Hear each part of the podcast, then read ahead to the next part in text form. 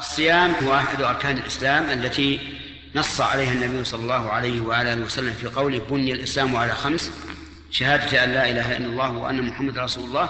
وإقام الصلاة وإيتاء الزكاة وصوم رمضان وحج بيت الله الحرام. وهو التعبد لله تعالى بالإمساك عن الأكل والشرب والجماع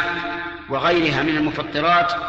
من طلوع الفجر إلى غروب الشمس. لقول الله تعالى فالآن باشروهن وابتغوا ما كتب الله لكم وكلوا واشربوا حتى يتبين لكم الخيط الأبيض من الخيط الأسود من الفجر